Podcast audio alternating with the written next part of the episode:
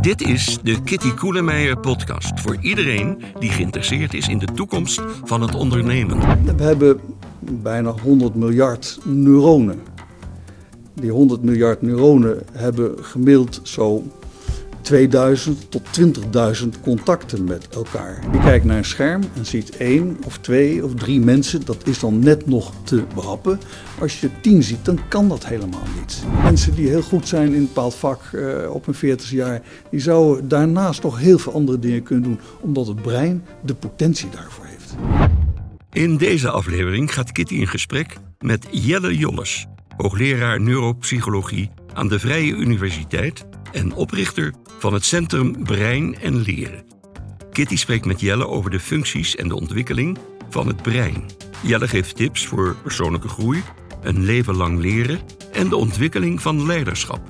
Ik spreek met Jelle Jolles. Hij is hoogleraar neuropsychologie aan de Vrije Universiteit en ook oprichter van het Centrum Brein en Leren en van de adviespraktijk Neuropsie. Uh, Jelle is misschien wel de meest vooraanstaande neuropsycholoog van ons land. Hij heeft een indrukwekkende output, indrukwekkende academisch record en een cv van 160 bladzijden. Ik was echt uh, diep onder de indruk toen ik dat zag. Maar je hebt ook heel veel gedaan in je carrière. Je hebt gekeken naar het brein van kinderen, jongvolwassenen, maar ook van ouderen met cognitieve problemen tot Alzheimer aan toe. Hoe is dat zo gekomen? Ja, eigenlijk, deze vraag wordt, wordt me vaker gesteld. Uh, eigenlijk vind ik zo simpel als maar zijn kan. Omdat het gaat over de persoon in zijn omgeving. En dat betekent dat je kijkt naar ontwikkeling en veroudering. Dat is één proces. Er zit wel nuancesverschil in, maar ik ben daarmee begonnen al een heel aantal jaar geleden. Ik heb een scheikundige achtergrond, neurowetenschappen en psychologie. En ik heb die twee verbonden, doctoraal het een en doctoraal aan het ander. En dat is voor mij dan heel simpel, omdat je zegt, ja, het gaat over hersenen en gedrag. Dus in wezen, door hersenen en gedachten onderzoeken, ben je automatisch met al dit soort processen bezig. En vanaf het begin van je academische carrière dacht je al zo? Ik, heb, ik ben met scheikunde begonnen en na verloop van tijd had ik zoiets van een prachtig vak, maar ik zie mezelf niet mijn hele leven lang reageerbuisjes in elkaar knutselen, zeg maar. Toen ben ik met psychologie begonnen en filosofie en dat was een prachtige combinatie. Omdat je dus als, ook met de filosofische inbreng kunt zien de spraak die een psycholoog heeft, een socioloog, een wetenschapper vanuit de hersenwetenschappen die taal is anders. Waardoor je gewoon heel mooi die verbinding kunt leggen. Door een soort van, van ja, uh, tolk-vertaler te zijn. En dat heb ik inderdaad vanaf, vanaf, mijn, uh, vanaf mijn proefschrift heb ik dat uh, gedaan. En waar ging je proefschrift over? Ja, het ging over hormonen die een invloed hebben op geheugen en leren. Weliswaar bij de rat, maar eigenlijk de rat als een model voor hoe het met de mensen gaat ging over hormonen zoals ACTH en vasopressine, die echt ook een invloed hebben op ons, uh, ons hele fun functioneren. En we komen er straks nog even ja. op terug wat je daar zelf van hebt toegepast. Hè? Je ziet er natuurlijk ongelooflijk fit en jong uit. Dus dat, uh, daar gaan we zo nog even kijken of je wat tips hebt. Maar ik wil nu graag weten, wat is het verschil tussen het brein van jongere en oudere mensen? Wat is nou het belangrijkste kenmerk daarvan? Uh, eigenlijk moet je zeggen, het brein van jonge mensen, van pakken bij 0 tot ongeveer 25 jaar, is aan het rijpen. Die rijping van het brein is eigenlijk iets wat zo ontzettend lang duurt, omdat die rijping vereist prikkels uit de omgeving. Dus de prikkels uit de omgeving van 0 tot 25 jaar, die zijn nodig om het brein zijn vorm te geven. En als je dan naar volwassenen en ouderen kijkt, pak een beetje vanaf 25 jaar tot 100, dan is eigenlijk zo dat ze gebruik maken van de kennis en de structuur van dat brein, zoals die van 0 tot 25 jaar gemaakt is, maar ze zijn nog steeds plastisch. En ze zijn plastisch omdat ze die prikkels uit de omgeving moeten ontvangen en daar verandering in maken, zodanig dat je kunt voorspellen wat gebeurt over een dag, over een uur, over drie minuten, wat gebeurt over 14 jaar. Als je zegt het rijpen van het brein, hè, van het, wat, wat, wat betekent dat? Wat meer concreet voor mensen die niet zo goed uh, zich daarbij iets kunnen voorstellen? Een, een metafoor die ik vaker gebruik is die van um, een systeem van kluisjes, bagagekluisjes, zoals je bij een station of op een school of wat dan ook hebt. Dat zijn pak een beet een hele serie van 200 bagagekluisjes. En op het moment van de geboorte zijn ze allemaal leeg. Maar ze zijn al wel kluisjes. Dan? Ze zijn wel kluisjes. Dus in wezen is het weer een andere metafoor. Een heel groot huis of een paleis. Waar je zegt van nou, er, zijn, is een deur, de voordeur. Maar er zijn er gangen En heel veel kamers. En een verdieping en nog een verdieping. En een buiten, buitenruimte. Allemaal kamers. En dat zijn de kamers in je brein. Dus op het moment dat je geboren wordt, is dat huis er. Dat is opgeleverd door de aannemer. Maar het is helemaal leeg. Het moet nog ingevuld worden. En wat er dus bij de ontwikkeling en volwassen worden gebeurt, is dat er verhuizers komen die brengen bepaalde kamers die ze volzetten met meubels. Maar die kamers die zijn zo rond 25 jaar behoorlijk goed gevuld. Maar dan nog blijf je in je hele leven blijf je een tafel eruit gegooien en een nieuwe tafel erin. En soms ook een doorbraak maken van de ene kamer naar de andere. Ja, dus je kunt verbouwen dat huis. Je kunt verbouwen. En het mooie is, uh, het brein is in die zin zo vreselijk simpel. Want het is eigenlijk alleen maar een orgaan wat ons in staat stelt om ons aan te passen aan de veranderende omgeving. En dat is nu zo. Heel letterlijk, ook heel, heel, korte termijn, letterlijk. vooral op langere termijn. Ja, omdat de kennis die met ons, ja, die, er, die, er, die er is, die je tot je neemt, die kennis, die zorgt ervoor dat bepaalde banen ontwikkelen. In de periode van 10 tot 25 jaar, in de adolescentie bijvoorbeeld. En die kennis die moet je opdoen, je moet ook fouten maken in die adolescentie, om gewoon straks op grond van die fouten te kunnen leren. Die fouten die leggen zich vast. Dat zijn routes in je brein van allerlei, laten we zeggen, 200 hersenstructuren die met elkaar praten. Maar er moeten steeds nieuwe shortcuts worden gemaakt. Er worden gewoon wegen in het brein gebouwd en daar is tijd voor nodig. En dat is dus ook niet over op je 25 jaar. Nee, dan begint het pas. Dan worden de, de banen en de structuren die in de eerste 20 jaar, 25 jaar gebouwd zijn, die worden gebruikt. En die kunnen dan op een bepaalde manier worden uitgebouwd. Er kunnen uh, nieuwe verbindingen worden gemaakt. En voor dat proces is de omgeving nodig.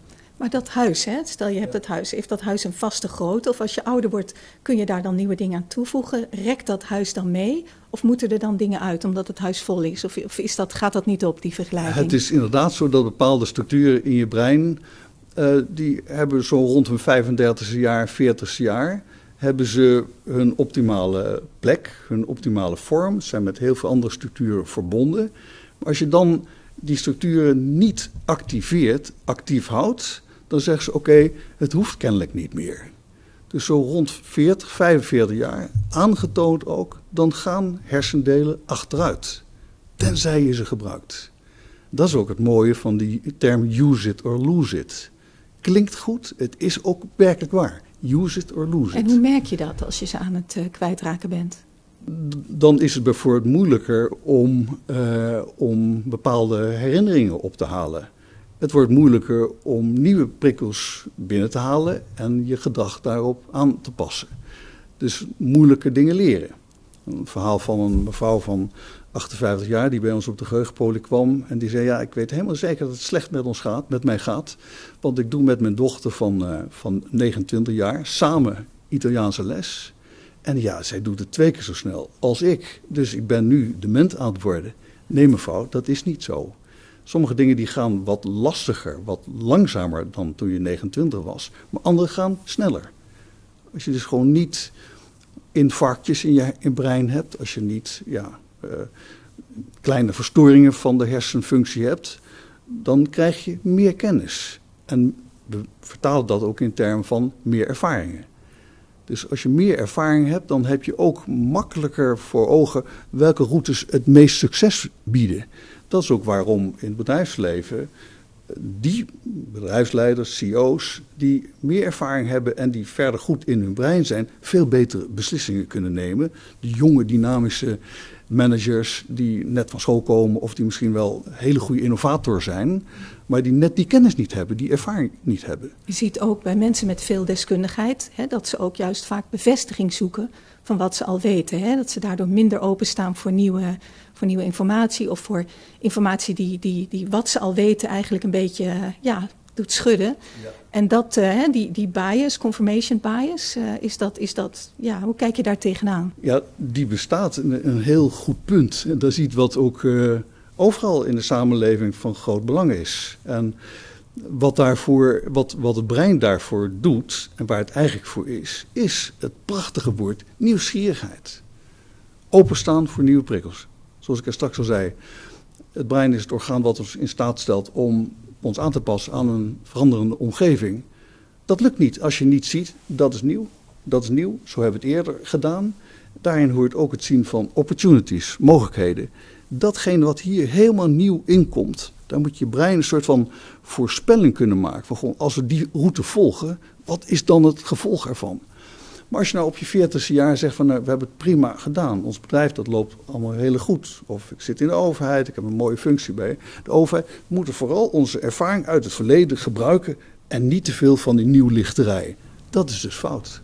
En dat, dat ga je ook merken op termijn als je dat te vaak doet. Ja, je ziet dat in bedrijven of in diensten van wat voor overheidsorganisatie ook. Je ziet het bij individuele personen, je ziet het bij de individuele huisman of huisvrouw. Als je gewoon blijft vasthouden aan wat je altijd gedaan hebt, dan haalt de wereld je in. Dat is waarom sommige mensen van 60 jaar echt last hebben van de ICT, van de eh, gsm's, die niet meer met computers kunnen werken, die niet kunnen aanpassen. En dan, dan verlies je het wel. Dat betekent dus dat je als iedere individuele persoon in dit land of op de wereld moet eigenlijk open kunnen staan voor de veranderingen. En die veranderingen die zijn soms heel akelig, de klimaatveranderingen, maar ook zaken die ook, laten we zeggen, de, de pandemie. Maar we weten ook allemaal dat de pandemie de coronapandemie ons ook heel veel gebracht heeft. Er zijn gewoon nieuwe bedrijven gekomen die gezegd hebben: wat kunnen we op deze manier doen? En die, dat komt alleen omdat je brein nieuwsgierig is. Dus tot op het moment dat je echt fysieke beschadigingen in je brein krijgt, kun je dit, kun je dit doen? ja, zelfs ook als je, als je beschadigingen hebt. Er zijn heel veel onderzoek uit de neuropsychologie, de neurologie ook, die laat zien dat mensen met bepaalde hersenbeschadigingen wel degelijk kunnen leren om op andere manier te compenseren voor datgene wat minder goed gaat. En hoe, hoe kijk je aan naar, in veel sectoren in het bedrijfsleven, bijvoorbeeld advocatuur, maar sowieso professionele dienstverlening en ook wat meer in het algemeen wordt vaak gezegd van nou iemand uh, is, is 60 geweest, eigenlijk moet hij moet ermee ophouden. Kan die tropen jaren niet meer aan, het is een te druk bestaan, raakt ook een beetje ja, verouderd dat, is, dat is aan de, ja, wat, je, wat je veel hoort. Wat denk je daarvan?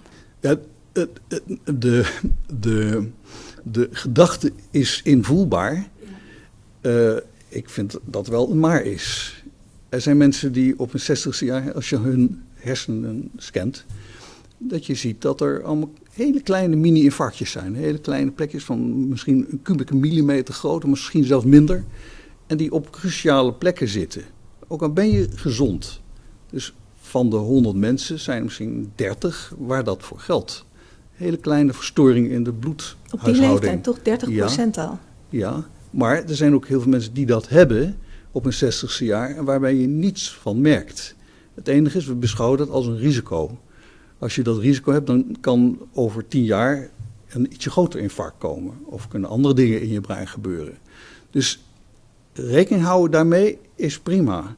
Enige, je moet ook rekening houden met het feit dat het brein een enorm compenserend vermogen heeft. En zodat er heel veel mensen zijn die dit niet hebben. Dus op dit moment wordt er maar op heel veel plekken gezegd dat het doodzonde is. Dat mensen van 60, 65 en zeker boven de pensioengerechte leeftijd, die willen werken, die kunnen werken, die innovatief zijn, die heel veel kennis en ervaring, dat die aan de zijlijn staan dat die gewoon niet meer mogen werken omdat ze bij de overheid werken. En dan is het met 67 jaar eh, klaar in bepaalde eh, branches. Ik, ik pleit ervoor dat er gewoon veel meer functioneel gekeken wordt.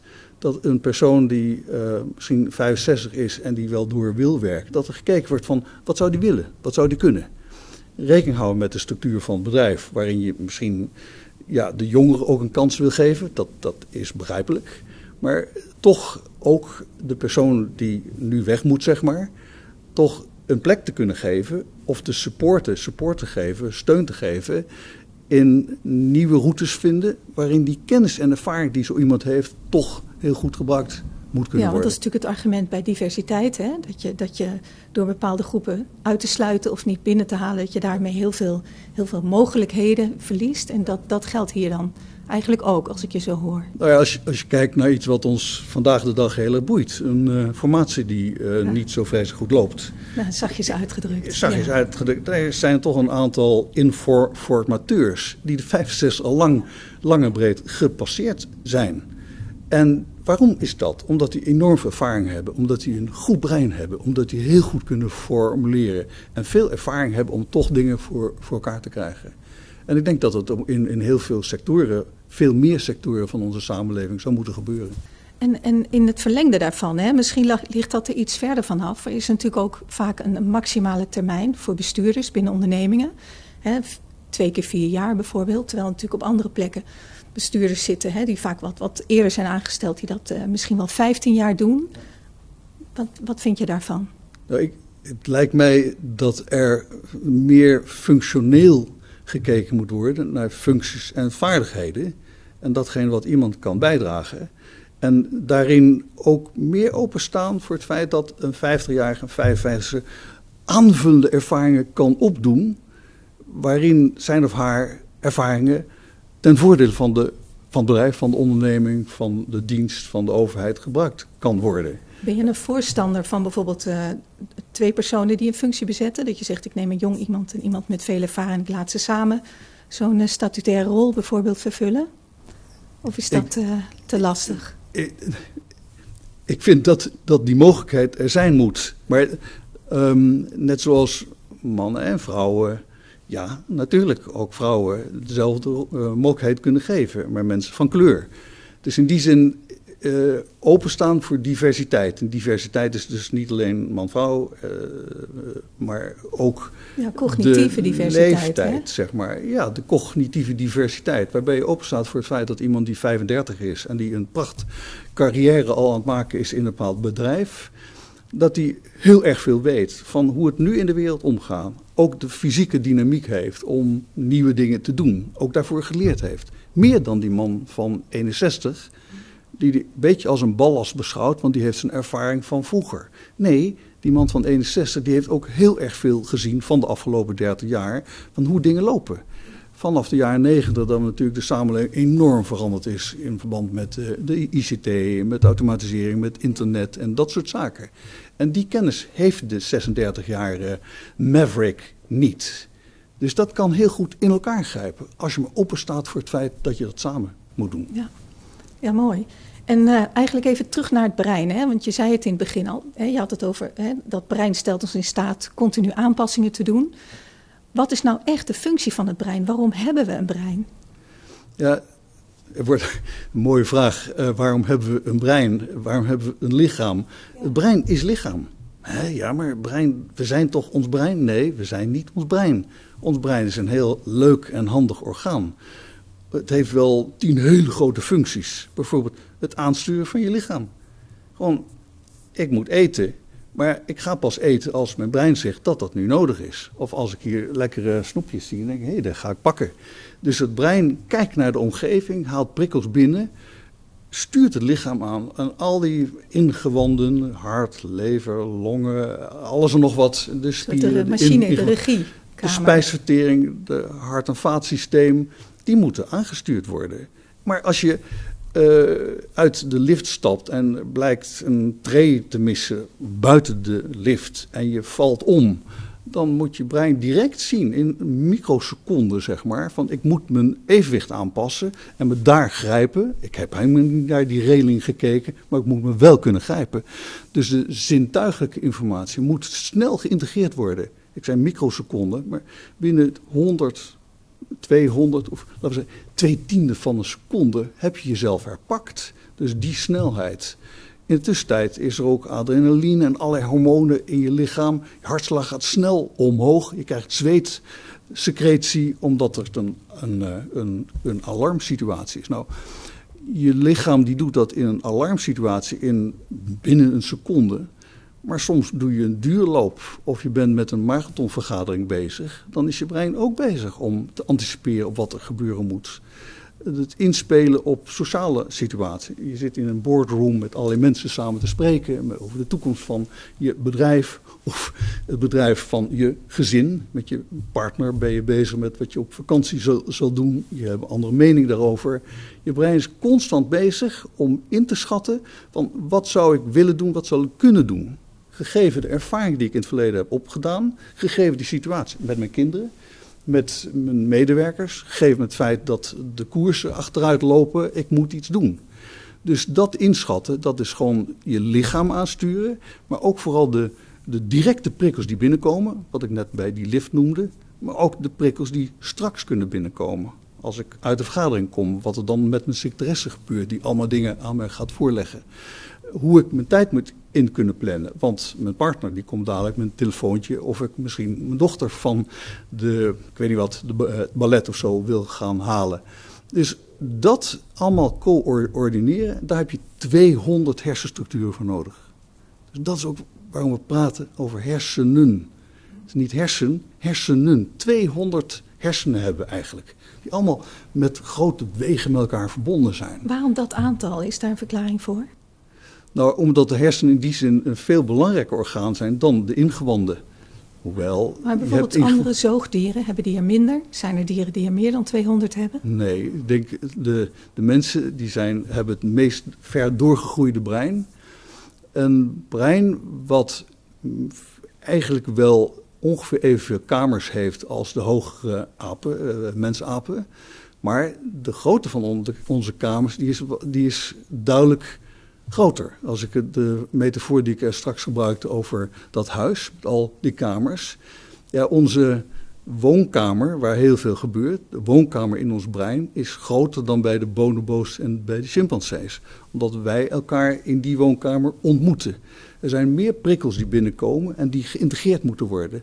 De interactie met je lichaam is veel groter. En dat uitzicht in het enorm veel grotere takenpakket wat wij hebben. Dus wij kunnen niet alleen van tak naar tak slingeren. Bij wijze van spreken, als je tien jaar bent, dan kan dat wel. Maar je weet, ik hoef niet een vergelijking te maken tussen ons en de bonobo's. Het is evident dat wij veel en veel meer, meer dingen kunnen. Dat is omdat onze kamers in ons brein, die 200 kamers, veel uitgebreider zijn, wat groter zijn en via gangen veel beter met elkaar verbonden zijn. En dat is dan ook de rol van de omgeving in de kindertijd en adolescentie. Om te zorgen dat die gangen tussen al die kamers zo goed worden. Dat je ze ook in je volwassenheid goed kunt gebruiken voor het leven wat je dan leidt. En het meeste gedrag is dan, als ik jou zo hoor, onwillekeurig. Hè? Want ik ga natuurlijk niet in die lift eerst bedenken van ik, ik mag niet struikelen. Dat, dat gebeurt gewoon voor jou. Hè? Gelukkig maar, ja. ja. dat is ook dat is weer een, een, een metafoor die vaak gebruikt wordt, die van de ijsberg. Het uh, bewustzijn is dat kleine topje boven de, hè, van die ijsberg, helemaal een grote deel onder water. Dus er gebeurt verschrikkelijk veel buiten het bewustzijn om. En dat zou ook niet anders kunnen. Ja. Een, een, uh, ja, minstens één collega, waarschijnlijk nog veel meer, die zeggen wij, hè, wij, wij hebben eigenlijk geen vrije wil. Wij zijn een systeem van stimulus-responskoppelingen. En achteraf rationaliseren we dan onze beslissingen om voor onszelf te verklaren waarom we iets deden. Maar eigenlijk is het zo, feitelijk is het zo, dat wij niks, uh, niks zelf kiezen, niks zelf beslissen. Hoe kijk je daarna? Want als je zegt bewustzijn, dan heb je toch over een, een stukje gedrag waar je wel uh, ja, invloed op hebt, waar je over na kan denken. Ja, het onderzoek, er wordt veel, onderzoek, er wordt veel over gesproken, veel boeken over geschreven de laatste jaren. En uh, diegenen die zeggen dat we geen vrij wil hebben, die baseren zich vooral op uh, relatief simpel onderzoek uit de jaren 80. En er is ongelooflijk veel onderzoek nadien geweest. Dat eerder uitgevoerde onderzoek, dat laat inderdaad zien dat er routine gedragingen, dat die voorgekookt worden. En dat kan ook niet anders. Ons, wij kunnen ons gelukkig bezighouden met een gesprek zoals dit terwijl mijn lichaam met andere dingen bezig is. Je kunt parallele processing. Er zijn ongelooflijk veel dingen die parallel aan elkaar gebeuren. Dus vandaar dat je kunt autorijden terwijl je met iemand aan het praten bent. En als je rookt, dan kun je de sigaretten aansteken in, in duwen. Terwijl je zegt, oh ja, dus afslag 32 moet uh, afslag 33 hebben. Je bent nog even je papier van achter de bank aan het halen. En dat op een andere plek. Nou, okay. Dat is parallele processing. Dat doet je brein allemaal voor je. En gelukkig dat er heel erg veel dingen zijn die op zo'n manier kunnen worden uitgevoerd. Dat is waarom we ook dat stukje over hebben om rationele beslissingen te kunnen nemen. En die, dat, dat gebeurt dus wel. Dus jij gelooft wel echt in die vrije wil. Dat je ook echt keuzes kan maken. Ja, en ook daar is ook, behalve de mensen die zeggen dat we geen vrije wil hebben. Ik vind het een, een, in zekere zin een semantische kwestie. Dus er is verschrikkelijk veel onderzoek wat laat zien dat wij creatieve, volstrekt nieuwe dingen kunnen bedenken. Je kunt je een voorstelling maken van. Ehm, eh, ik maak nu op het moment dat wij aan het praten zijn een voorstelling van als er Marswezens zijn, hoe zouden ze er ongeveer uitzien? Gegeven het feit dat ik weet dat de luchtdruk daar een heel stuk minder is, dat er stof is, dat er ooit water was, maar nu waarschijnlijk niet. Als ze er zouden zijn, aan wat voor eisen zouden ze dan moeten voldoen? Ik maak me dan een visuele voorstelling van zo'n ding. Met twee armen of tien armen of nul armen of zeebeestje. Niemand heeft ooit die voorstelling gemaakt die ik nu maak. Die is niet voorbereid. Die wordt voorbereid door het feit dat ik ooit plaatjes van Marslanders heb gezien. En plaatjes van het laatste half jaar over die oranje luchten of roze oranje luchten. Ik heb iets gelezen over boormachientjes waarmee ze de bodem ingaan. Al die indrukken gedachten, maar foto's, integreer ik met elkaar. En er komt een volstrekt nieuw idee uit. Ja, en dat is natuurlijk de essentie van echte creativiteit, dat iets nieuw is. En dat is ook altijd het verhaal dat algoritmes daar niet of nog niet toe in staat zijn. Die kunnen heel goed dingen heel, heel uniek combineren misschien, maar echt vernieuwen kunnen ze nog niet. Ja, je kunt eh, een algoritme maken wat per definitie eigenlijk iets nieuws maakt maar de kans dat datgene wat dan nieuw bedacht wordt, Geen betekenis. ook inderdaad, ja. dat dat betekenis heeft, die is niet vreselijk groot. Maar niettemin is dat een hele leuke, een hele waardevolle weg om nu in te gaan. Eén uh, mini-stapje terug naar de evolutie van onze aarde. Je hebt de, de Cambrische revolutie. Het Cambrium was een periode van een, drie, vier, 500 miljoen jaar geleden dat de aarde waarschijnlijk op een andere manier aan kosmische stralen was, was blootgesteld. Toen hadden ze heel raar soort diertjes. Die hebben ze gevonden op allerlei plekken. Dieren die niet symmetrisch waren, die 27 poten hadden. Alles nog wat die heel anders is dan wat we nu kennen. Toen we kijken daar nu naar, die Cambrische revolutie was een soort van poging van nou, laten we alles maar eens even proberen. En daar is eigenlijk door een survival of the fittest zijn dingen uitgekomen al die dieren die zijn weg, die bestaan niet meer. Maar één lijn, wat wij nu als dieren zien, die komen eigenlijk voor een groot deel daar vandaan. Dus om dus- leven te krijgen op een, op een planeet moet je die periode van experimenteren door kunnen. Dus daar moet genoeg gebeuren om dat, om dat mogelijk te maken. En daarom is, is innoveren ongelooflijk mooi. Daarom is kunst ook mooi. Kunst, daarmee ben je ook met nieuwe dingen bezig. Je brein leert met nieuwe dingen bezig te gaan. En met die nieuwe dingen kan best zijn dat je 17 schilderijtjes maakt of knutselwerk. Dat je denkt van eigenlijk is het niet. En door een toeval is nummer 18 zeg, hé, hey, dat ziet er best wel aardig uit. Maar je hebt het over kunst maken, hè? niet over kunst kijken. Nee, ik heb het over, over kunst maken. Ik vind dus in die zin kunst en wetenschap en het ondernemend zijn hebben heel veel met elkaar te maken. Het heeft te maken met de ontwikkeling van ons denken. Je ziet ook steeds meer samenwerking hè, tussen wetenschappers en kunstenaars. Zou je dat aanraden ook voor het bedrijfsleven? Ga, ga iets creëren samen met een kunstenaar? Ja, omdat is, eigenlijk uh, gebeurt dat nauwelijks. Ja, dus weer ik, een van de mooiste woorden vind ik denken. Mijn laatste boek gaat over leer je kind kennen. Over ontplooiing, leren, denken en het brein. Denken is eigenlijk juist dat innoveren. Denken is een uh, een visueel beeld, een mentaal beeld, een woordenbeeld, een tactiel beeld. Tactiel is wat je met je handen kunt voelen, zeg maar. Al die beelden, dat activeert delen in je hersenen die eigenlijk niet altijd gebruikt. Een jurist die zal heel veel met woorden werken. Maar voor een jurist is het waarschijnlijk ook best wel heel interessant om meer in beelden te gaan denken. Omdat een groot deel van ons brein in beelden denkt.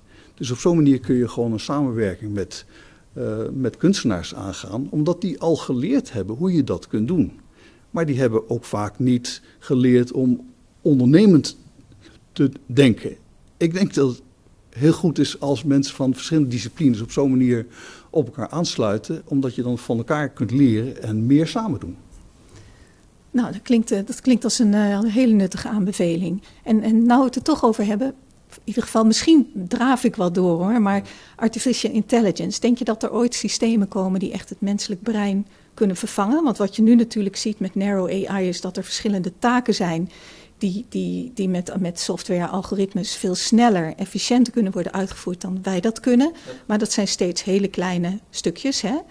En uh, als je het natuurlijk hebben over artificial general intelligence, dan, ja, dan heb je het eigenlijk over, over systemen die, uh, die kunnen ja, evenaren of misschien zelfs verbeteren wat mensen doen. Is, ja. dat, is dat een, een realistisch iets om over te spreken in jouw wereld? Ik, ik hoor bij een grote groep neurowetenschappers en neuropsychologen die zeggen: Wat is het leuk om naar een film te kijken als The Matrix of allerlei andere science fiction. Fantastisch leuk.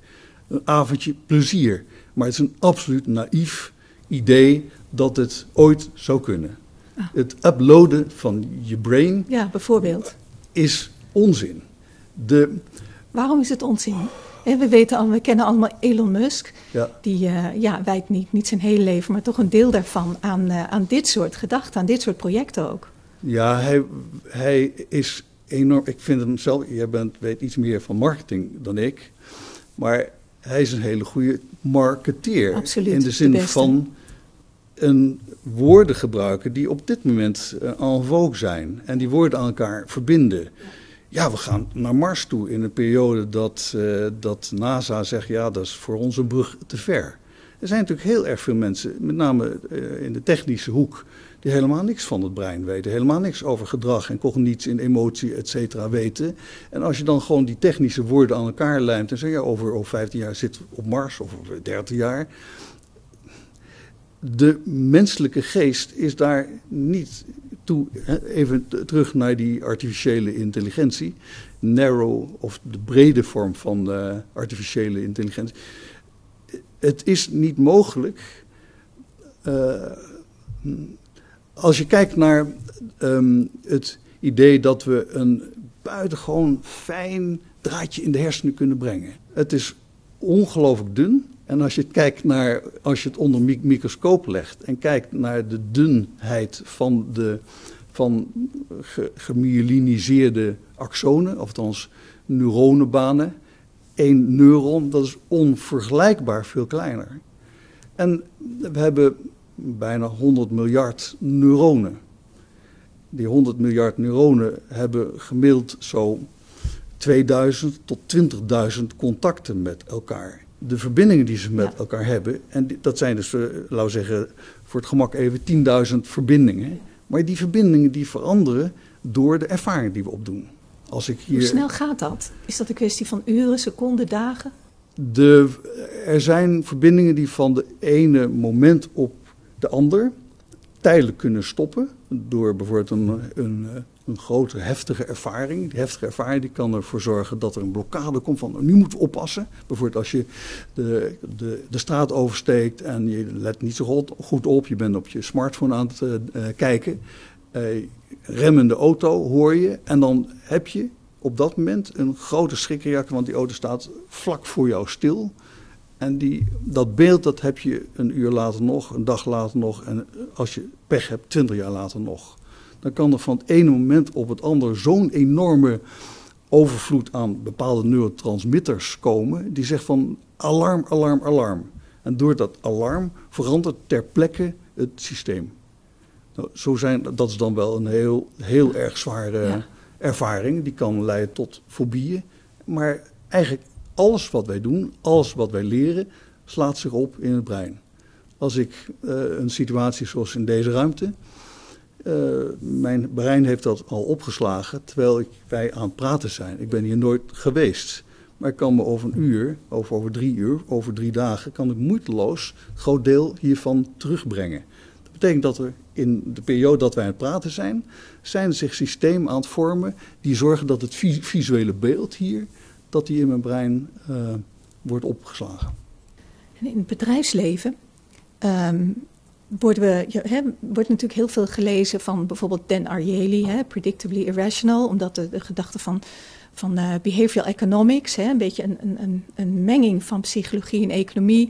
Uh, denk ook Robert Cialdini, die, die natuurlijk veel over overtuigingstechnieken heeft geschreven. En men is daar natuurlijk zeer geïnteresseerd in, in besluitvorming, uh, maar vooral ook overtuiging. Hè, heuristiek, kort door de bocht, ja, regels om beslissingen te nemen dat, dat is natuurlijk voor een deel wel afgeleid van het werk wat jij ook doet, wat, wat veel fundamenteler is. Is dit ja, heb, je daar, heb je daar aanvullingen op, of verbeteringen? Kun je daar iets over zeggen? Wat vind je van dit soort uh, ik literatuur? Vind het prachtig. Kijk, we hebben ook een, een, Nobelprijswinnaar gehad, Kahneman. Zeker. Die natuurlijk ook ja, het brede gebied van de e economie.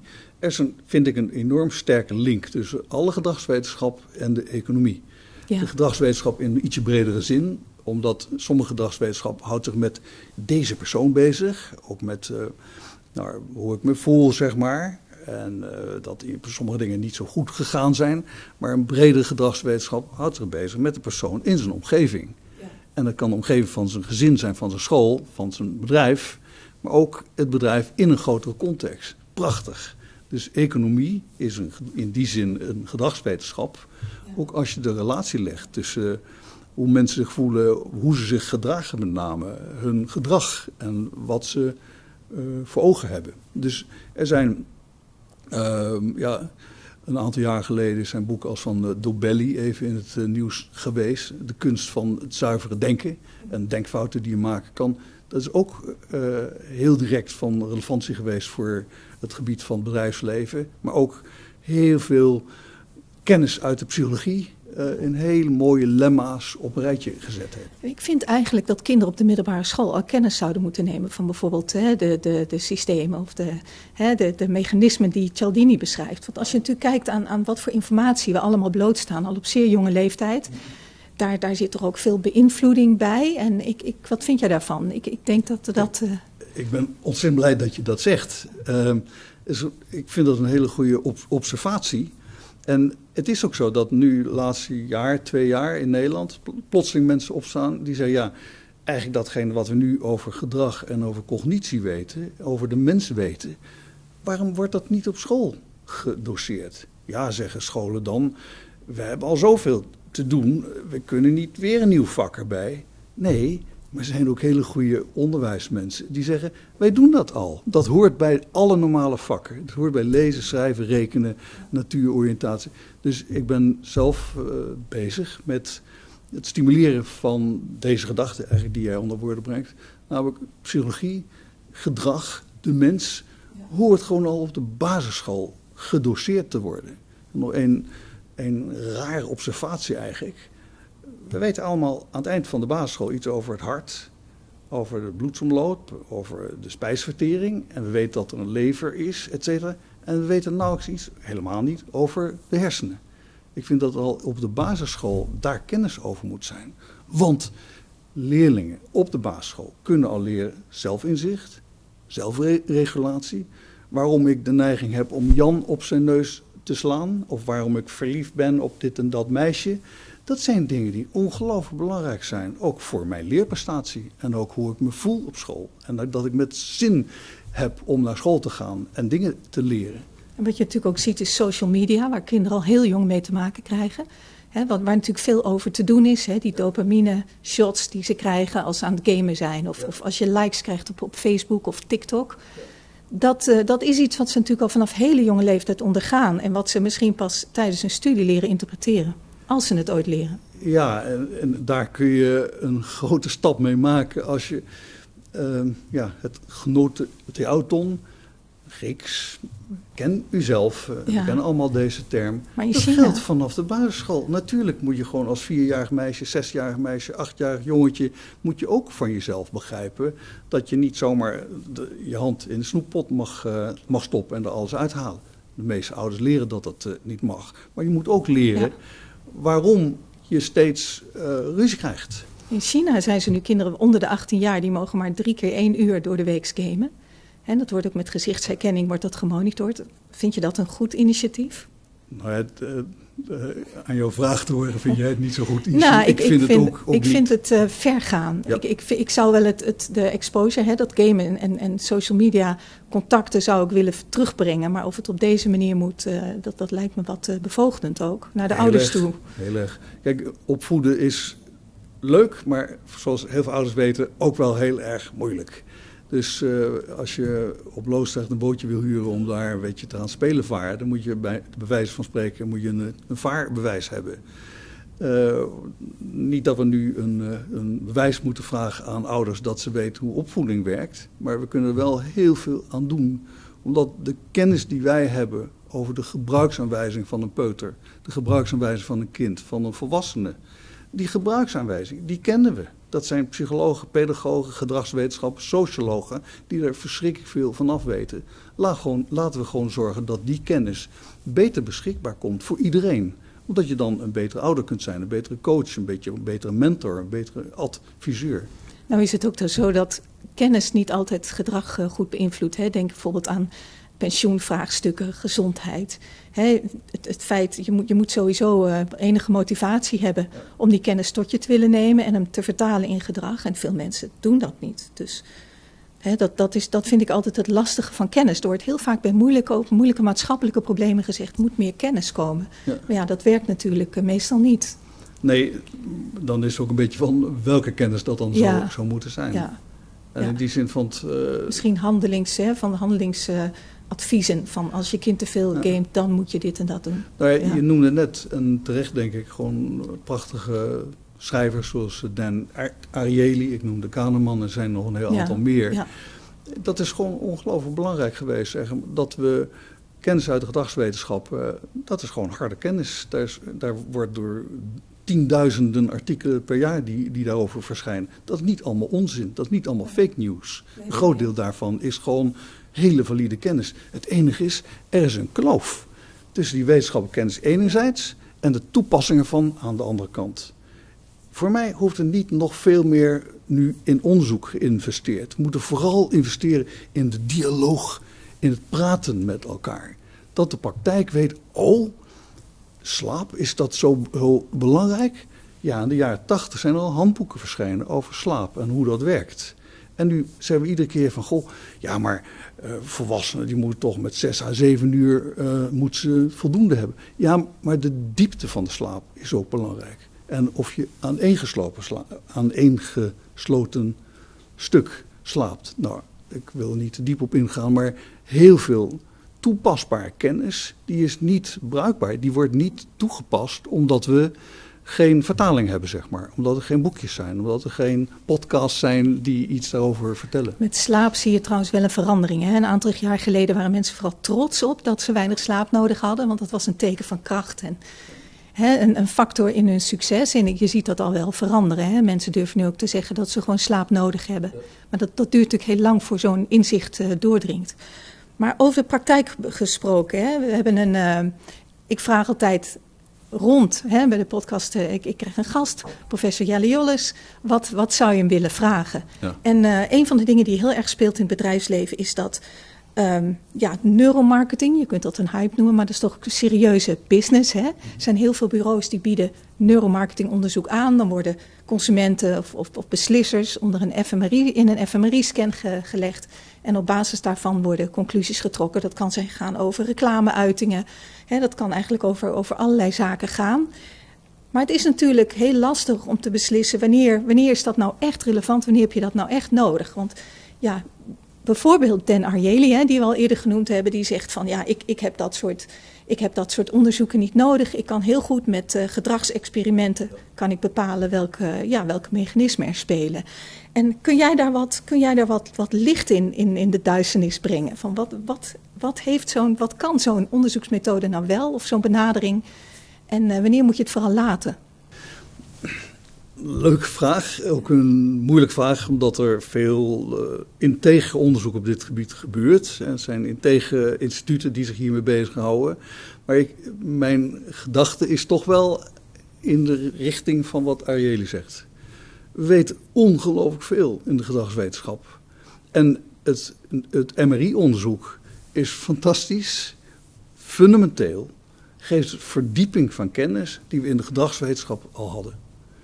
Uh, een heel klein uitstapje erover. Er is de afgelopen 15 jaar heel veel gedoe geweest over uh, de kennis over de hersenen en de amygdala en de prefrontale schors en zo in relatie tot onderwijs. Maar eigenlijk vrijwel al dat onderzoek, dat was al bekend. Het feit dat we weten dat structuur X of structuur Y of structuur Z daarvoor verantwoordelijk zijn, brengt ons geen centimeter verder. Het enige is dat het een bevestiging is van die knappe gedragswetenschappelijke kennis die we al hadden. Dus in die zin kan een MRI-onderzoek in relatie tot neuromarketing een ietsje steviger conclusie geven. Die kunnen zeker support geven. Maar houd wel, um, wees daar wel, wat ik net noemde, integer over. Want er is ook heel veel onderzoek, goed over gepubliceerd, waarin het brengen van een, een fMRI-plaatje of teksten over herstructuur A en B in relatie tot het product wat je wil verkopen helemaal niks toevoegt en die er ook een beetje bijgehaald zijn. Er wordt natuurlijk vaak gezegd er is een verschil tussen wat mensen zeggen en wat er in het brein gebeurt. Hè? Toch ook weer vanuit die gedachte dat wat je zegt een soort rechtvaardiging achteraf is mhm. van wat je, wat je denkt. Hè? Die discrepantie, die, ja, die is er natuurlijk wel. Wat mensen zeggen is niet uh, wat, wat, hun, wat hun gedrag per se drijft. Nou, met een, een fMRI-plaatje krijg je een zekere dynamisch beeld van structuren die nodig zijn voor datgene wat je verkopen wil. Voorbeeld, ik ben zelf eh, betrokken geweest bij een vraag van een heel grote kogelfabrikant. Die willen laten zien dat, dat door, door hun product te kouwen, zeg maar, dat dan structuren in de bovenste oogveld en daar andere structuur bij, prefrontale schors, u, weet wel, die worden actief. Ah. En als die actief zijn, ja, iedereen weet van prefrontale schors, hartstikke belangrijk. Uh, en het woord dus actief, is ook een heel mooi woord. Ja. Actief, nou ja, dan word ik kennelijk actiever door dat kauwgom te kauwen. Maar het woord actief is alleen een woord. Dat ding wat je daar ziet, die, die, die blobs, geel, rood zeg maar, is actief. Maar soms is het beter als die structuur niet actief is omdat dan betekent dat die zaken automatisch doet, zeg maar. Dus weer wat je dus leest in die advertentie of in, dat, uh, in die beschrijving van dat product, die kan een verkeerd beeld geven. Maar de consumenten kan het niks schelen. Die heeft zoiets, oh ja, FMU-onderzoek, het heeft aangetoond, men heeft aangetoond dat. En dan is dat al voldoende motivatie om dat product te kopen. Ja, okay. Dus heet dan de persuasive nature of het uh, neuroscience onderzoek. Het is een soort van uh, ja, duwende kracht van als dat er maar eenmaal bij zit, dan zal het wel goed zijn. En ik denk dat dat in een heel aantal omstandigheden misschien niet hoeft. En je hebt het zelf ook over de seductive allure of neuroscience. Wat, wat uh, kun je even toelichten wat je daarmee bedoelt? Nou ja, sinds de jaren negentig is de neuroscience is, is hot, is sexy. Uh, in de jaren negentig had gewoon uh, in Nederland had je het hersendecennium van uh, 1993 tot ongeveer 2003. Hersendecennium, the decade of the brain in de, in de Anglo-Saxische wereld. Voordien was men bang voor het brein. Ze ja, daar moeten we afblijven. Want, want we kunnen het ook niet repareren. hè? niks mee. En in, maar dat decade of the brain heeft als het ware geëmancipeerd. En daar ben ik heel erg blij mee. Dus heeft heel veel en groot belang voor de gezondheidszorg. Voor de psychiatrie, neurologie, neuropsychiatrie. Heel veel hersenziekten, hersenproblemen die gewoon hapbaarder, hapbaarder geworden zijn. Het enige is dat um, dat imagingonderzoek, dat is een van de weinige soorten neuroscience die je voor je kunt zien. De, uh, er zijn ruim 40 neurodisciplines en één is de cognitive neuroscience. Eén van die 40. Welke is de grootste discipline? Zijn ze mm. ongeveer even. Dat is moeilijk te zeggen, omdat je bijvoorbeeld een neurobiologie en een neurochemie. Ik kom vanuit een neurobiologie en neurochemie is gigantisch groot. En die is ook nodig om te weten van welke cellen hebben ze, hoe werken ze met elkaar, hoe komt het dat er neurotransmitters vrijkomen, hoe zit het met die neurohormonen, uh, hoe komt het met receptoren. Als ik rook, wat gebeurt er dan? Dan gaan bepaalde receptoren zeggen, hé, hey, er wordt uh, gerookt. Als ik THC, uh, eh, marihuana gebruik, wat gebeurt er dan? Nou, dat is een ongelooflijk groot gebied. Tienduizenden of misschien wel honderdduizend publicaties per jaar. Maar wat voor het algemene publiek meer speelt, is dat wat dicht bij huis, is. Dus um, denken en leren en waarnemen en taal een beetje. Dus gewoon die kant, dat is dan meer de cognitive neuroscience en de affectieve neurowetenschappen. Depressie en het brein, hoe zit dat? Dat is meer klinisch ook, hè, vaak. Ja, kijk, ik, ik zie vaak als je cognitieve neurowetenschappers hoort spreken, hebben ze toch vaak ook over gevoel. Hè? Dus het is ook een beetje een kunstmatig onderscheid, want het een beïnvloedt het ander. Of, of zie je dat wat Bij strakker? Bij de cognitieve uh, neuroscience is dat gevoel er eigenlijk in de afgelopen tien jaar pas een beetje bijgekomen. Ja, dat, dat zie je heet ook dan in, de in affectieve vakgebied. neurowetenschappen. En Ja. empathie, ja, ik ben hartstikke blij dat het woord em- empathie aan opmars over de wereld bezig is. Fantastisch woord. Inschatten van de intenties van anderen. Maar goed, de, hersenwetenschappelijke basis van empathie, daar weten we de afgelopen tien jaar ook best wel behoorlijk veel van. En die is ook heel erg belangrijk. Daardoor zien, zeggen we nu dat sociale factoren zo belangrijk zijn. Ik, bedoel, ik kan wel achter een computer zitten en een taakje doen. Er komen woordjes, moet ik op reageren. Ik kan pijltjes links, pijltjes rechts, moet ik op uh, reageren. Maar in een boardroom, in een winkel waar ik dingen verkopen wil, als ik met mensen praat, dan heb ik niet dat soort taakjes. Maar ik ben wel met mensen bezig. Dus de wijze waarop ik naar jou kijk, hoe je, hoe je ogen staan, hoe je op mij reageert, geeft mij een gevoel van, goh, nu moet ik even mijn mond houden. Want Geeft het wil, je informatie of een gevoel? Of is het, allebei. het is niet altijd gevoelsmatig, toch? Nee, maar het um, gevoel is er in heel veel opzichten altijd bij. Dus empathie betekent dat je de emotie van iemand anders moet kunnen inschatten, maar ook de intenties. De intenties van anderen. De intenties is ook hè, iemand die is alleen maar aan het praten en die moet naar je omgeving kijken. Luisteren ze naar me? Waar zijn ze mee bezig? Is zo dat ze me vervelend vinden omdat ik nu van deze vergadering van, uh, van drie kwartier al 40 minuten aan het, aan, aan het woord geweest ben, zeg maar. In, in het bedrijfsleven, zeker als het gaat, nou niet alleen om klanten, maar om alle stakeholders, hoor je heel vaak het woord engagement. Hè, het idee is je moet engagement hebben. Kun je daar vanuit jouw vakgebied wat over zeggen? Want dat zijn natuurlijk hè, termen als expe empathie, experience, beleving, maar vooral ook engagement, wat wat meer activerend is, hè, om dat woord maar weer te gebruiken. Hoe kijk je daar vanuit, jou, uh, vanuit jouw vakgebied naar? Ja, ook, eigenlijk, ook weer, dat is een, een, een exponent van, van waar ik het net over had. Dus nou, je hebt empathie door iemand, naar iemand te kijken, te luisteren. Een soort van inschatting te maken van die persoon. Eigenlijk moet ik in jouw schoenen kunnen staan. Ik moet mij kunnen verplaatsen in die ander. Om te kunnen invoelen van, nou, laten we zeggen, niet jij, maar de, de persoon waar ik nu mee bezig ben dat ik heb de indruk dat er gewoon tranen achter die ogen zitten. Ik moet begrijpen waarom, want we hebben toch een hele leuke bijeenkomst. We hebben een feestje op het werk. En waarom is dat? Is misschien omdat die andere vrouw er net bij was en iets heel onaardigs zei, zeg maar. Dus empathie is, ik voel dat heel anders. Maar ik begrijp dat zij reageert zoals zij zich voelt. En dat is iets wat dan onder woord uh, empathie valt. En als je het nou hebt over, over uh, ja, het, het, het, uh, het, online, ik noem maar wat, het vergaderen via online media. Hè, en, en, dat we steeds meer virtueel contact met elkaar hebben. Hoe, hoe verhoudt dat zich tot die empathie die zo, die zo belangrijk is? Het is veel en veel moeilijker. Veel moeilijker. Ja. Ik, ja. ik, ik, ik, heb ooit, nou, afgelopen jaar ook vaak door, door media gevraagd van hoe zit het nou en wat betekent dat voor elkaar. Zo, alleen al het feit is dat we een hele lange tijd dat kapje op hadden.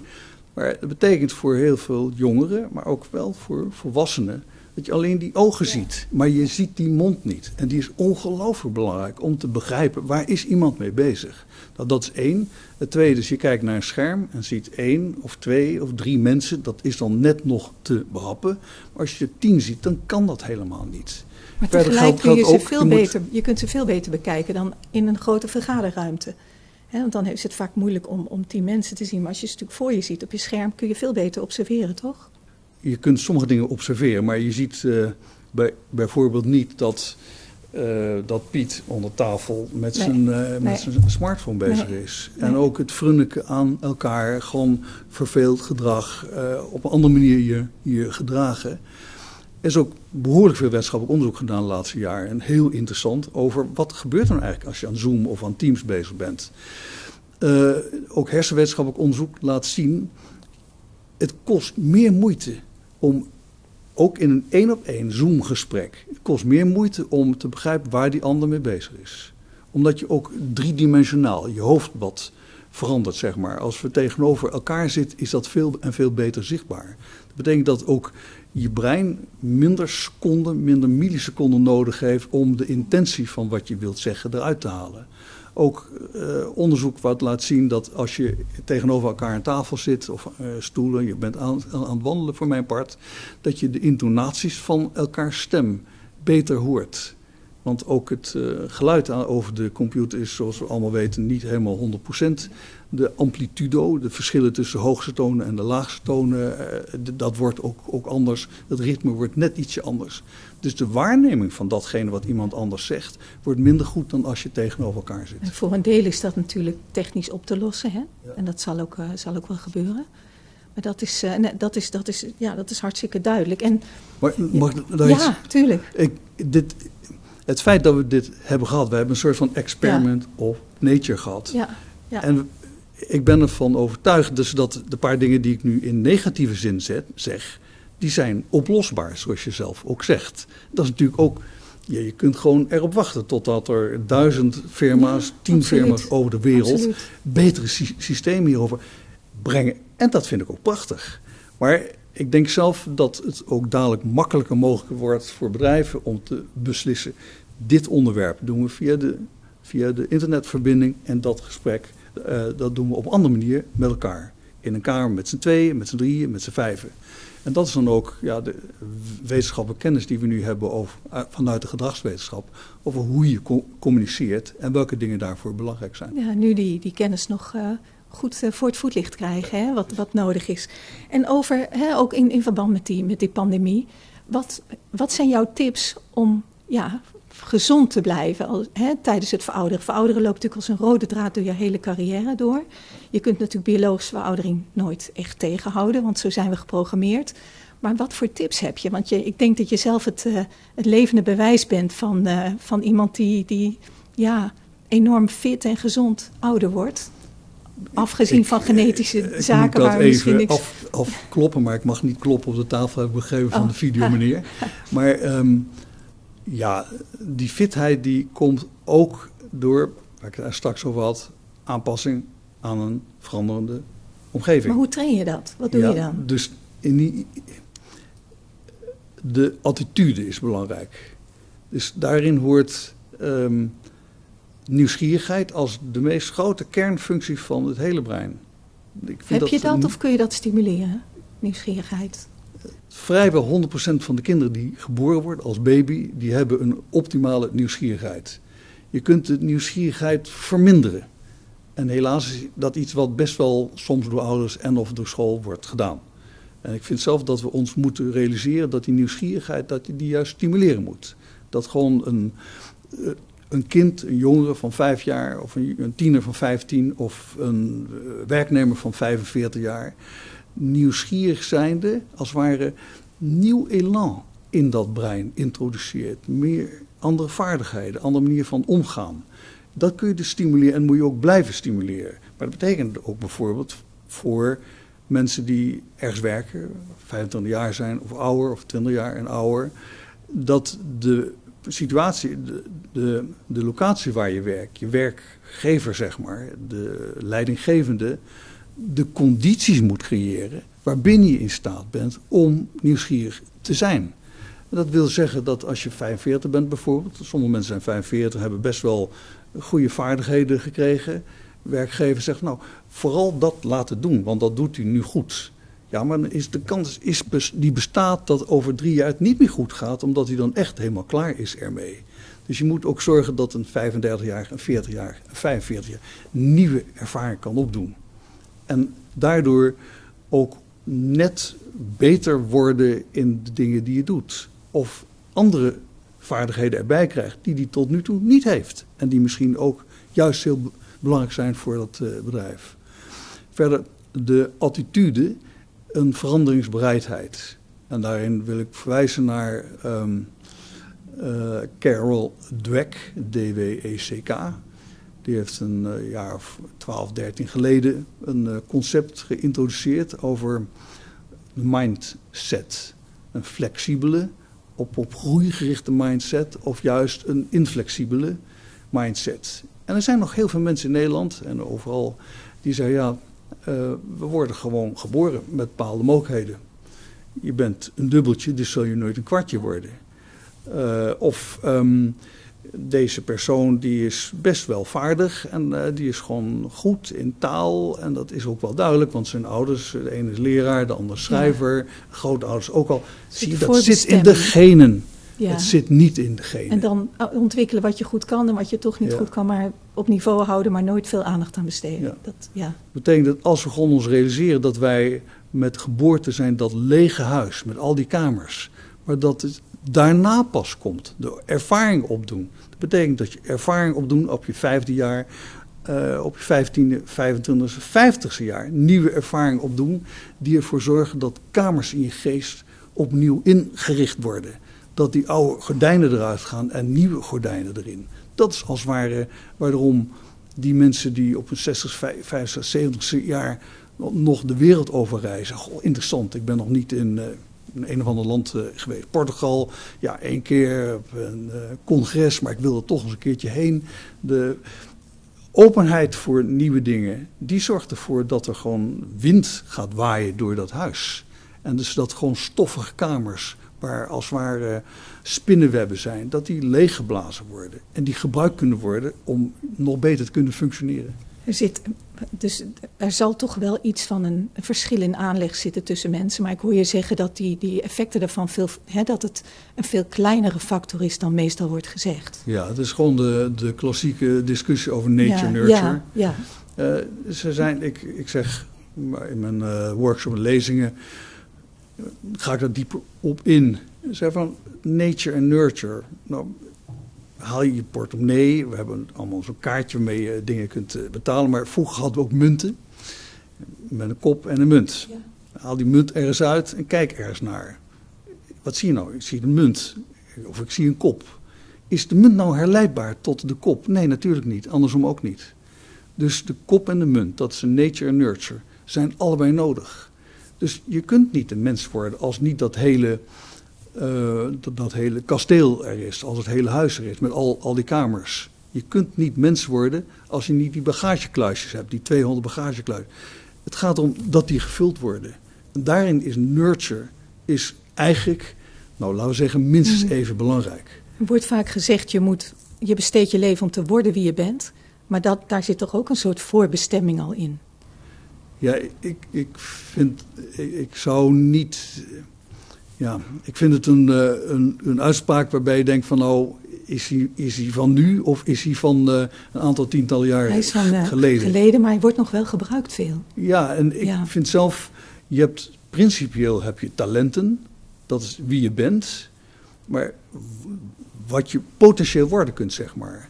Datgene wat je potentieel worden kunt, dat wordt bepaald door de ervaring die je opdoet. Mm. Dus je leven lang leren, leven lang leren leven lang ervaring opdoen. Dat betekent dat heel veel kamers die je wel in je, in je brein hebt, eigenlijk leeg blijven. Uh, die worden niet gebruikt, omdat je al op je twaalfde weet van ik wil een medicus worden. Dat betekent dat heel veel dingen af, uh, afgehakt worden, die als mogelijkheden. En die kamers die zijn er wel om ook een hele goede kunstenaar te worden. Of een voldoende goede kunstenaar te worden. Of een hele goede sporter. Of een voldoende goede, goede sporter het eh, pleidooi is om in ieder geval tot je 25e zoveel mogelijk kamers in te richten. Je hoeft er niet super goed in te worden, maar zodanig dat je, als je op je 25e dat allemaal kunt, dat je op je 45 weer kunt oppakken. Want dan zijn ze ingericht. Dus weer mensen die heel goed zijn in een bepaald vak uh, op hun 40 jaar, die zouden daarnaast nog heel veel andere dingen kunnen doen, omdat het brein de potentie daarvoor heeft. En dan noemde je nieuwsgierigheid, je noemt die attitude of mindset. Zijn er nog meer dingen die je kunt doen? Beweging hoor je bijvoorbeeld vaak. Ja, nou, in de, uh, de vele jaren dat ik met uh, collega's uh, geheugenpolie heb gedraaid in Maastricht, daar hadden we niet alleen de uitspraak use it or lose it, maar als tweede probeer toch een beetje uit de risicofactor te blijven. Dus met name bij het ouder worden zijn allemaal dingen die er met ons gebeuren, biologisch gezien. Je wordt toch ietsje minder fit. Um, er zijn uh, bloedvaten die toch een klein beetje gaan dichtzitten. Bij de een wat meer dan bij de ander. Ja. Er zijn verstoringen. Ieder heeft grote kans dat naarmate je ouder wordt, dat er bepaalde cellen een woekering gaan vertonen, kanker. Uit de risicofactoren blijven voor je brein is fit, de fysieke fitheid. Is alcohol niet te veel. Liefst niet meer dan nou, een bepaald bedrag per week. Uh, nicotine kan een stukje helpen, maar liever toch niet. Cafeïne met een bepaalde mate, zeg maar.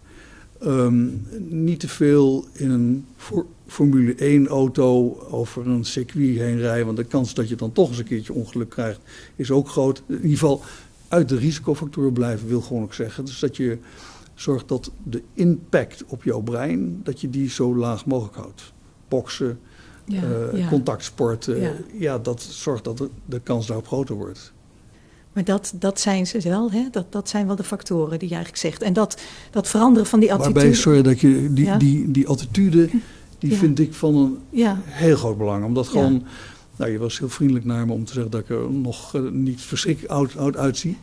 Nou, ik denk dat, dat dat wel een grote, grote rol speelt. Ik denk dat ik ook leef naar, uh, naar de gedachte, natuurlijk ben ik geen 41 meer. Maar ik kan sommige dingen beter dan toen ik 41 was. Ik word uitgenodigd voor lezingen en mensen zeggen dan als ik zeg sorry, ik kan niet. Ik heb een heel groot en druk programma met lezingen. Oh nee, begrijp ik wel. Kunt u dan niet een AIO sturen of een promovendus? Dan zeg ik van als ik nu de keuze zou hebben van mijzelf sturen van toen ik 15 jaar ouder was, dan zou ik zeggen nee. Want Jolles, 15 jaar jonger, kon niet wat ik nu kan. En dat is gewoon een attitude kwestie. Dus dat je gewoon ook weet, uh, nou toch het uh, cliché, this day, the first day, the rest of my life. Sommige dingen die doe ik niet meer. Ik ben wel aan het hardlopen, ik, ik loop hard. Maar ik heb niet de potentie om nog de 10 of de 20 kilometer binnen een bepaalde uh, tijd te lopen. Maar toch, dat een beetje hardlopen is gewoon verschrikkelijk goed voor je fysiek. Voor je hart. Oké. Okay. Ja. ja, dat, ik geloof je. Het is zeer overtuigend. En nog als afsluiting, hè, dat uh, doe ik altijd. Uh, je hebt natuurlijk al ontzettend veel advies gegeven, ontzettend veel learnings. Ik ben enorm dankbaar voor het overzicht wat je hebt gegeven van wat de neuropsychologie kan bijdragen ook hè, aan, aan, aan ja, bedrijfsleven, organisaties. En, en er is nog veel meer, maar je hebt al heel veel gezegd. Welk advies heb je aan managers en ondernemers, jong, oud? Is, is er, zijn er een paar dingen van je zegt, ja, dat kan ook iets zijn wat je al gezegd hebt hoor, maar dat moet je nou echt doen. Ja, nou, ik denk dat een manager en ondernemer. Oké, het, feit dat ze nieuwsgierig, nieuwsgierig, moeten zijn, dat geldt natuurlijk zeker voor een, voor een ondernemer, maar voor een manager ook, omdat we zo verschrikkelijk veel nieuwe kennis uh, opdoen. Een manager moet zich niet vast staren op de boeken die tien jaar geleden over het managing geschreven zijn. Want er zijn zoveel nieuwe dingen. Dus een van de dingen waar iedere manager zich mee bezig moet houden is hoe kan ik zelf ook veranderen in deze uh, wereld, in de veranderende wereld. En dat betekent dat een andere leidingsstijl, leiderschapsstijl, is heel goed mogelijk. Als je dus ouders van een tienjarige, vijftienjarige of 18-jarige hebt, die moeten zich ontwikkelen van manager naar coach, naar inspirator, naar mentor, naar adviseur. En ik vind dat iedere manager van een bedrijf, van, van een dienst, van een overheid, datzelfde moet kunnen doen. Je kunt manager zijn en vooral blijven, omdat natuurlijk heel veel dingen echt, laten we zeggen, technisch gemanaged moeten worden. Maar zeker wanneer je met mensen werkt, dan ontkom je er niet aan om ook de rol van coach en van mentor en adviseur uh, mee te kunnen nemen. Dat is één. En het tweede is dat een manager zich moet bezighouden met zijn medewerkers. Het allerbelangrijkste vind ik gewoon de voorwaarden scheppen voor. Voorwaarden scheppen voor ook een stukje persoonlijke groei van die 38-jarige mevrouw die bij je werkt. En ook die 58-jarige meneer die bij je werkt, waarbij je denkt van goh, wordt het niet tijd dat hij zo langzamerhand weggaat. Hij gaat nu niet weg. Wat kan, u, wat kan ik doen om te zorgen dat die man lekker in zijn vel zit, productief is en blijft. En ook in het team werken. Dus weer voorwaarden scheppen voor ja, datgene wat je met je medewerkers uh, doet. Ja, nou prachtig, prachtig advies, prachtige afsluiting. Je zei, je zei tegen mij in het voorgesprek, ik wil geen goeroe zijn, maar ik denk dat je het toch bent. Dank je wel. Dank je wel voor dit gesprek, ja, voor deze vragen. Dit was de Kitty Koelemeijer podcast. Als je dit gesprek interessant vindt en vaker dit soort gesprekken wilt zien of horen, druk dan op die bekende knop. Want dan weet je één ding zeker: de podcast van Kitty wordt vervolgd.